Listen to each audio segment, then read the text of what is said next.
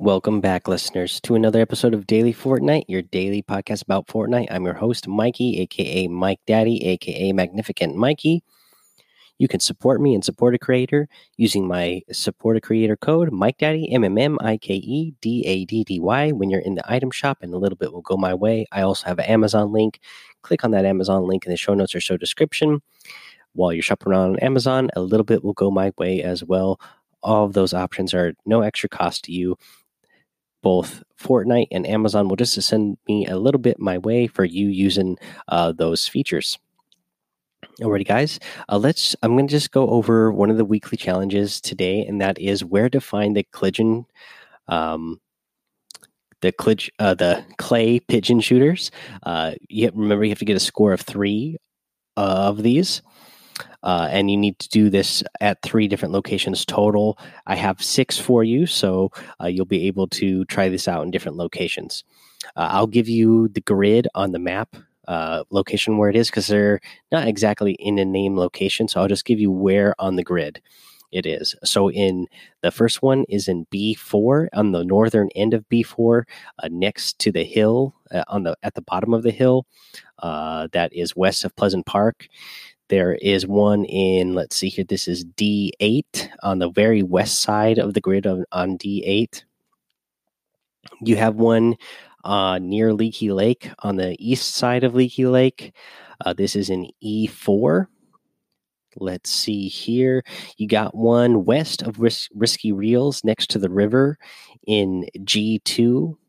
You have one just north of Lonely Lodge in J4 and there's one uh, down in the corner of the map in what is this? Probably like uh, I'll say I nine, and it is kind of it's at it's it's in the very corner of the map. It's in the desert area, uh, kind of near uh, a hill and the river there in the uh, very southwest corner of the map.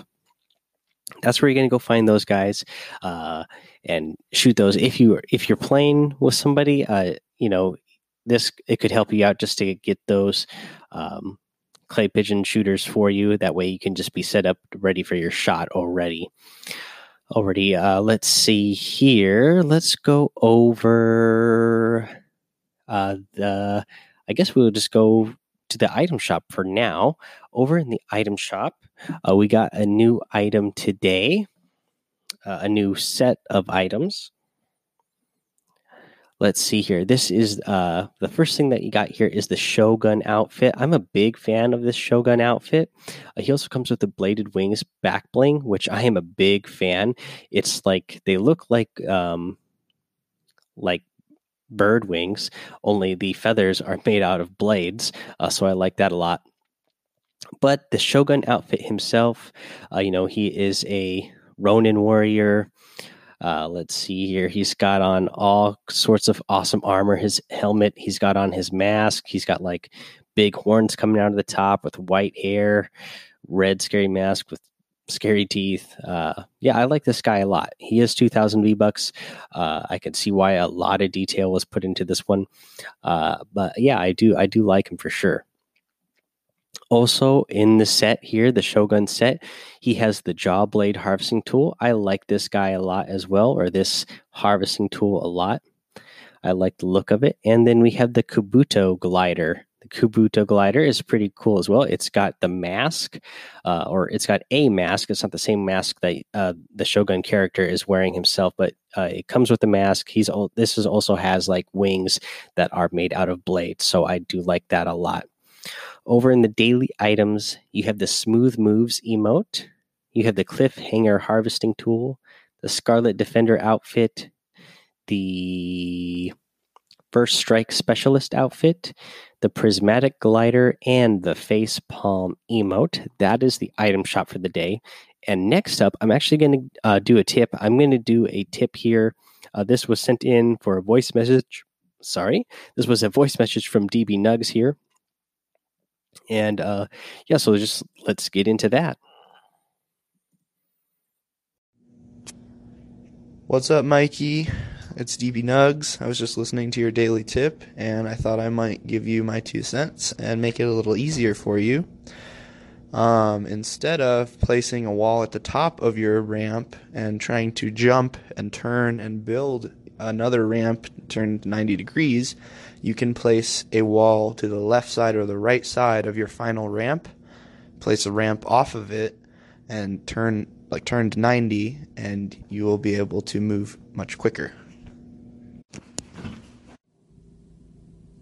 You can also use this tip when somebody ramps over you and you only have a hole out the side of your build.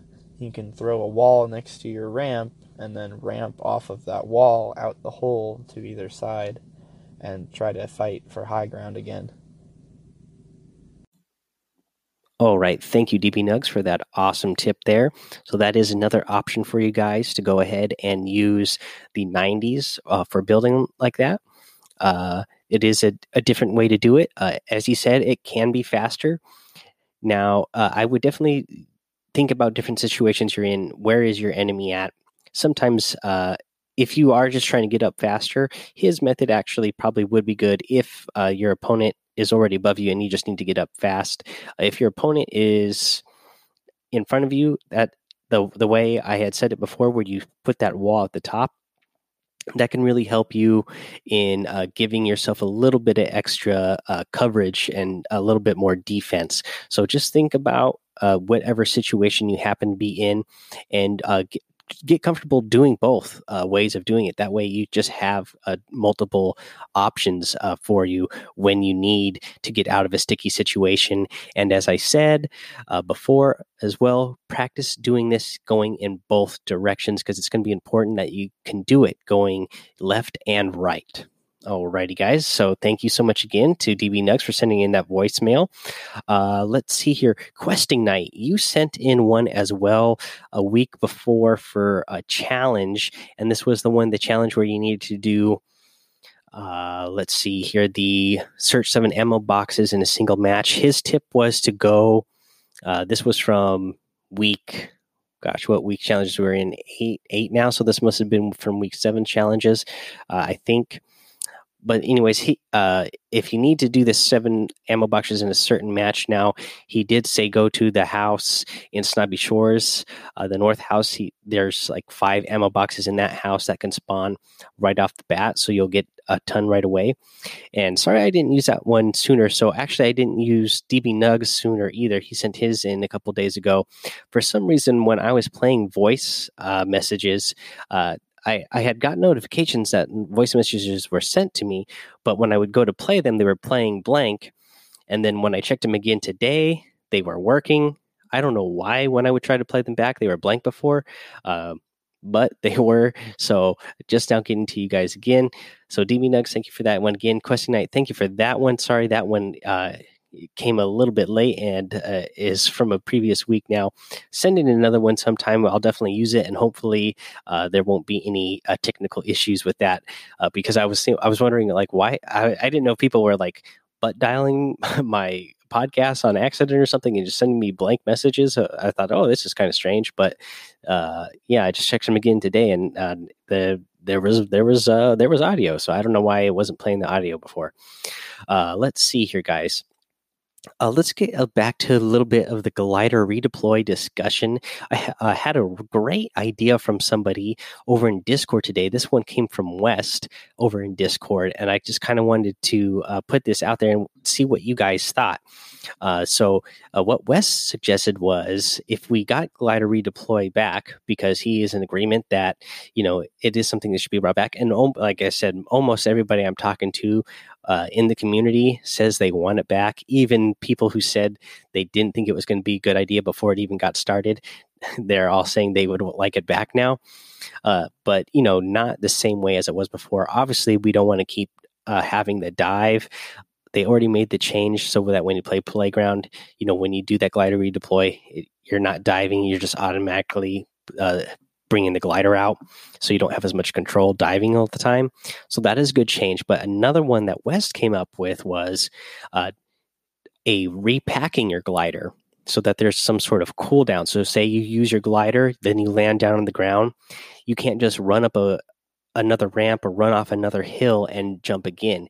You need to actually have like a a button that you would press to repack your glider and then he suggested like a 10 second repack. Uh, so i think that would be a really cool option as well. That way people just they also would have to be more strategic when they wanted to use it deciding okay do I, is this a good situation to use it in now? Uh, because i'm going to have to spend 10 more seconds to repack it again if i need to use it uh, you know if i need to use it uh, a little bit later. This might not be the best time to use it right now. Um, so I like that idea. Or maybe you could just have a cooldown. So say you jump down, you use your glider, and then you hit the ground. You had a certain amount of time before you could use your glider again. Uh, that was uh, something I just thought of. Maybe that could be a, another so, a solution instead of just repacking. But I, I, like that one a lot. Let me know what you guys think.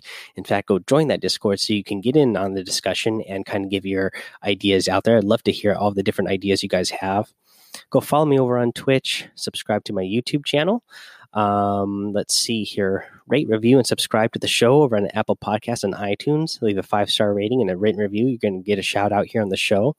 And uh, because I was playing with Bob Den 69 earlier tonight, and he said he was glad that I mentioned it because he didn't know. But I will mention again that if you are supporting a creator, even if it's not me, you guys, if you are supporting a creator, the supported creator uh, it automatically clears out whoever you're supporting after 14 days. So if you're supporting somebody, make sure to put their name back in there after the 14 days, or just constantly make sure when you're in the uh, item shop in the upper right hand corner of your screen, it'll say created supporter and whoever you're supporting. And if it's blank, then make sure that you put a creator in there, whoever it is that you're supporting. Um, and then also uh, for you guys who are my Twitch Prime uh, subscribers, uh, or just my Twitch subscribers at all. Well, Twitch subscribers, you automatically get renewed every month, but the Twitch Prime subscribers, again, you guys have to renew your uh, subscription every month because Twitch Prime, after the month, it takes it off for you, and then you can use it again on whoever you want. And if you want to resubscribe to me, I would love that. Brian RTFM uh, came into my Twitch uh, when I was streaming earlier tonight and uh, resubscribed to me for two months in a row now. So thank you so much for that. And uh, so I just want to remind you guys of that uh, change you have to do as well if uh, if you're subscribed to me over there. Alrighty, guys, that is going to be the episode for today. So until next time, have fun, be safe, and don't get lost in the storm.